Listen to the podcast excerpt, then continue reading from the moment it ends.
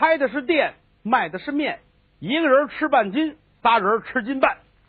啊，这个念罢唐诗一首，有人说这是唐诗吗？这是卖糖的人说的诗。哈哈啊！电视机前的观众朋友们，大家好，感谢您收看我们的喜剧茶馆《大话刘罗锅》啊，马上又要上演了。咱们这个故事里边啊，人物不多，乾隆皇帝、刘墉、和珅。故事呢，也是围绕着北京城里边这个君臣之间、官场之内所发生的这些个事情。那么有没有涉及到外边的呢？也有啊，也涉及到什么山东啊、四川呐、河南啊、陕西啊。但是今天这个故事离着可远，怎么呢？好，离着北京城得有将近一万多里地啊，在哪儿啊？在东海岸边有一个小国家叫倭瓜国。什么叫倭瓜国呢？咱闹不清楚啊，反正可能当初啊觉得这么叫啊上口。叫倭瓜国，属于是大清朝的属国，需要年年进贡，岁岁称臣。国家不大，每年呢也是互通有无。这个小国家派使臣来，来到这个大清啊，献一些个珍奇的物品。那么有时候呢，呃，大清也派一些个使臣呢到他们这儿去，看一看你们这儿的国土民风啊、民俗民情啊，这叫互通往来。哎。有这么一年，大清朝啊派了一位使臣来到了这倭瓜国。嚯，天朝大国来人了！这个小国啊那是倾国冲动啊！这国也不大，呃，黄土垫道，净水坡街，嚯，布置的是富丽堂皇。国王亲自出来迎接这位使臣。使臣去的时候，由打大清这儿走，带了一支啊戏班子。干嘛戏班子呢？啊，让你知道知道我们天朝大国，看看我们这个音乐呀、戏剧呀啊，你们来欣赏欣赏，让你们也来学习学习。当天呢，戏班子跟这儿搭好了台，演员们化好了妆，乐队定好了弦儿，在前边呢，这边是国王，旁边就是大清的使臣。国王往这一坐，嗯，啊，看了看，挺新鲜，他没见过。啊，他这个地方比较偏僻，他最大的娱乐就是看看狗掐架，他没见过这个，看着纳闷儿，呵，哦，有意思啊，挺好，不能不佩服啊！天朝大国就是了不起呀！使臣一伸手，把这戏单递上去了，啊，上面写着各种戏，啊，什么什么戏，什么什么戏，那意思呢，请国王您点戏，把这拿过去，呵。国王接过来真认真啊！打开戏单，上一眼下一眼，左一眼右一眼，看了八八六十四眼，看半天，直点头，可就是一样啊，不认识字儿。怎么呢？瞎看，看半天还直夸啊！好啊啊！看看多黑呀啊！废话，墨笔写的能不黑吗？哦，这个这这个是什么什么什么意思啊？哦，这是戏单啊！您看看。先唱什么呀？哦，戏单呐，那就先唱戏单好了。使臣一听什么？先唱戏单，好，这主这么糊涂呢？哎，叹了口气，哼，胡闹，说了句胡闹。国王听见了啊，那后唱胡闹吧。嗯，拿着当戏了啊。简短截说，演完了之后，临走的时候啊，落下一样东西，从一匹马的身上。装货的这篓子里边掉出一个大南瓜来，啪嚓掉了。这帮人也没注意，可是呢，倭瓜国的人就看见了，哎，掉东西了。这个这个马上面掉了东西啊，要换二一个。哎，您这东西掉了，您拿走。倭瓜国没有，这都小气啊。哎，这个好，这个啊，几个大臣赶紧过去了，扑腾跪下，拿袍子一盖这南瓜啊，恭送。天朝使节说的还挺好，这意思是跟您这客气客气。实际上呢，就把这倭瓜就给藏起来了。使臣也没当回事，大队人马上了船，乘风而去，走了。国王这乐坏了，怎么呢？今儿见着稀罕东西了。呵，原来姑娘，这是什么呀？嗯，问大臣们，大臣们也不知道，都纳闷。其中有一个大臣抖机灵，哎，陛下啊，我。想出来了，这个东西啊，这肯定是啊马的蛋啊，马还下蛋呢。嗯，我估计啊，这个东西它就能孵出来，能孵出一匹马来。太好了，咱们这地儿没有马，拿这个咱孵好了之后，以后咱们这儿就有马了。嚯！这皇上乐的鼻涕泡都快出来了。哎呀，没想到，没想到啊！这回咱们可是占便宜了。来呀，准备一间屋子吧。好像真听话，准备一间屋子，屋里弄得特别暖和，就把这大南瓜搁在正当中，上面还盖了两床被窝。回来之后，大伙商量，咱也没孵过这马，这马到底是多长时间才能孵出来？国王说：“这我知道啊，这个他们这个中国人呐。”他们算这个都是什么七七四十九啊，九九八十一啊？我估计呀，怎么也得七七四十九天。那等着吧，啊，每天还有人负责呀，往这上面浇水啊，往上浇水，怎么呢？他怕它干了。敷吧，敷七七四十九天，没到四十九天，到四十八天，皇上憋不住了，这到底怎么着了？有动静没动静啊？你们你们得去看一看。大臣过来了啊，拿手往被窝里一摸。拿出来一瞧，好嘛，全烂了。您想啊，一大南瓜，拿这个棉被盖上，还往上浇水，屋里还挺热，底下是火炕。过了四十来天，一个多月，那能不烂吗？往外一拿，好，里边都是水了。这没办法，皇上一瞧挺可惜啊，得了，这个算是糟践了啊，没孵好，扔了去吧。俩大臣抬着往外走，国王还舍不得，还跟着后边看，眼圈都红了。哎，他就这么一国家。小国家眼界浅，什么都没见过。可是这么小的国家，竟然也起了侵略之心。就这天，这国王啊，越看自己的国土越别扭。怎么呢？整个国家从这头走到那头有二十分钟到了啊！全国的军队一共四个人，这玩意儿他们太小啊。听说了，天邦大国大清朝这这个地方太大了，咱们呢，哎，咱得商量商量，咱们找他要一块，他要是给还则罢了。若是不给啊，你们这四个人加上我，咱们五个人，咱们要侵略中原。啊，多混蛋呢！五个人要侵略，那怎么办呢？派使臣去吧。国王说：“你们别都去，要去你们去仨人，得留一个给我做饭啊。”就这么着，派出来三位使臣，挎着大刀，雄赳赳气昂昂，就来在了大清朝的首都北京啊，要见见乾隆皇帝。乾隆皇帝听这个使臣要来的消息啊。当时一愣，怎么呢？说这个小国家突然间派使臣来，这个不多见。往常来了之后啊，打一仗啊，有的时候见不着我呀，也无所谓。这次说死了，非要见见皇上，难道说他们有什么事儿吗？来，黄门官就把这几位宣上来了，说万岁有旨，请三位使臣上殿。嚯，三位使臣啊，拧着眉，瞪着眼，撇着嘴，那嘴咧的跟烂柿子似的。啊！往殿上一走，站在品级台旁边，龙书冠以下是立而不跪，站。这模样啊，手榴弹要是一块钱十个，先扔他一万块钱的。乾隆看见纳闷儿，没生气。要往常说见皇上不跪，这是死罪，当时推出去，咔嚓这就砍了。今天没有，皇上觉得这是个乐子啊。呃，这仨人啊，都是大高个啊，个儿多高呢？穿着高跟鞋垫着脚，能走桌子底下去啊。这仨大高个往上一站，皇上直纳闷嗯，这是站着了，这是跪着了。其实呢，人家还垫着脚尖呢，跟这啊。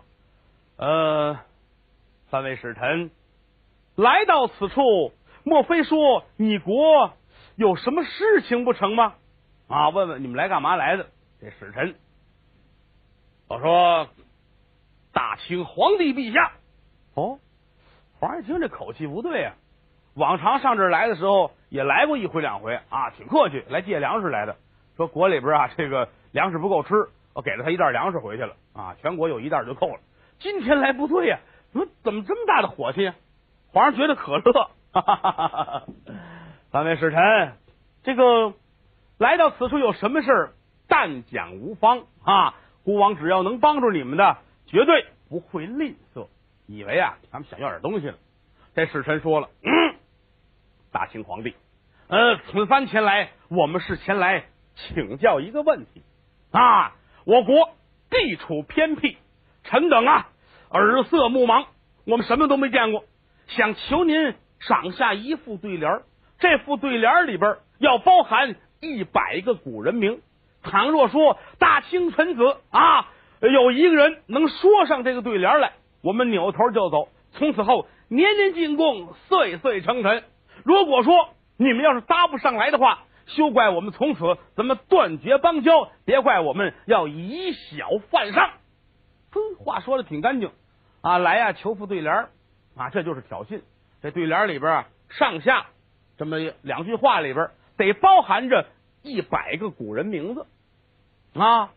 有人说了，说这简单，就给他写吧。孔子、孟子、曾子啊，什么冉伯牛、闵子骞、伍子胥、岳云，那那写不叫能耐啊，一边写五十个凑，那不算能耐。人家说这对联啊，一定要言简意赅啊，而且绝不能太啰嗦。哎呀，这可就难了。嗯，三位使臣安排在江米巷，也就是现在的东郊民巷，有一个金庭馆驿，安排这儿住好了。皇上坐在这儿，可就围上难了。谁能把这题搭上来呢？自己，自己稍微差点。乾隆皇帝啊，倒是喜欢舞门弄墨哈，给谁写个字儿啊？题个诗啊，写个牌坊，这辈子呀写了一万多首诗啊，一首都没留下。您琢磨这个文采怎么样吧？自个儿写估计是不行，换谁写呢？呃，和珅估计不行。和珅这能耐还没我大呢，我宠他是因为他呀，呃，说话受听啊，会拍马屁，倒不是因为他文采大。谁行呢？想来想去，哎，刘墉啊，这个事儿啊。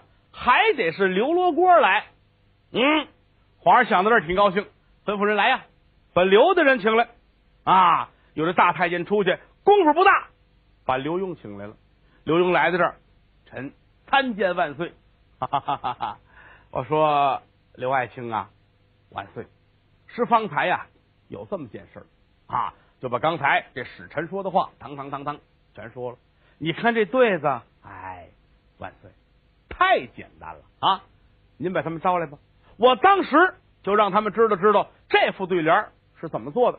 呵，皇上高兴啊！关键时刻还得是我这玉帝啊，我这三兄弟啊，到这会儿了，知道刘墉是自己的近人了。两个人呢，除去了君臣之分，从老太后这儿呢是干兄弟啊，还得说是我的玉帝。来呀，把那三个使臣给我叫来。啊，连请都没有了，怎么呢？这有人搭上题来了，呵，腰杆子就硬，功夫不大。这三位扛当扛当又来了，往这一站，撇着大嘴，嗯，我说天朝上邦的皇帝，难道说这题目已经搭上来了吗？哈哈哈哈哈哈！这个题呀，实在是太简单了啊！我朝中任何一个人都能搭上来。来，我给你们引荐一下，这是我朝中。文华殿大学士、左都御史刘墉、刘石安，介绍一下。这三位一听，哦，这就是刘大人，知道吗？哎呀，耳朵里早灌满了啊！每次来北京，他们都得买好多字画回去。今儿一听，哦，这就是刘墉、刘石安啊，刘罗锅，呵，如雷贯耳，皓月当空啊！啊！马上这三个人是毕恭毕敬，刘大人，我等向您请教。刘墉乐了，这不算什么啊！一副对联里面有一百个古人，好办。您听着：云台二十八将，孔门七十二贤。云台二十八将啊，汉武帝刘秀手下有这么二十八员大将，一个个呢。据说都是天上的星宿下凡。孔夫子啊，跟前有七十二个徒弟，七十二加二十八，正好是一百个人。那很简单，这叫什么呀？难者不会，会者不难。说完之后，再瞧皇上往那一坐，呵，腰板挺着倍儿直。怎么呢？题搭上来了，没丢人。要不然的话呀，恐怕这个国体都有些损失。再瞧这三位，真好像一个大圆球。充满了气儿来到这儿，让刘墉呲打一口子，气儿全泄了。马上低眉俯首，是是是是是，呃呃，刘大人确实是高才呀，高才啊！我等回去之后，小玉我主，年年进贡，岁岁称臣。起来，刘墉还不干了。三位使臣，今天既然来了，我呀打算跟您三位聊一聊天儿。哦，是是是是，呃，您有何高见哈？请您赐教。三位，你们也是倭瓜国的公使，你们可知道你们倭瓜国的来历吗？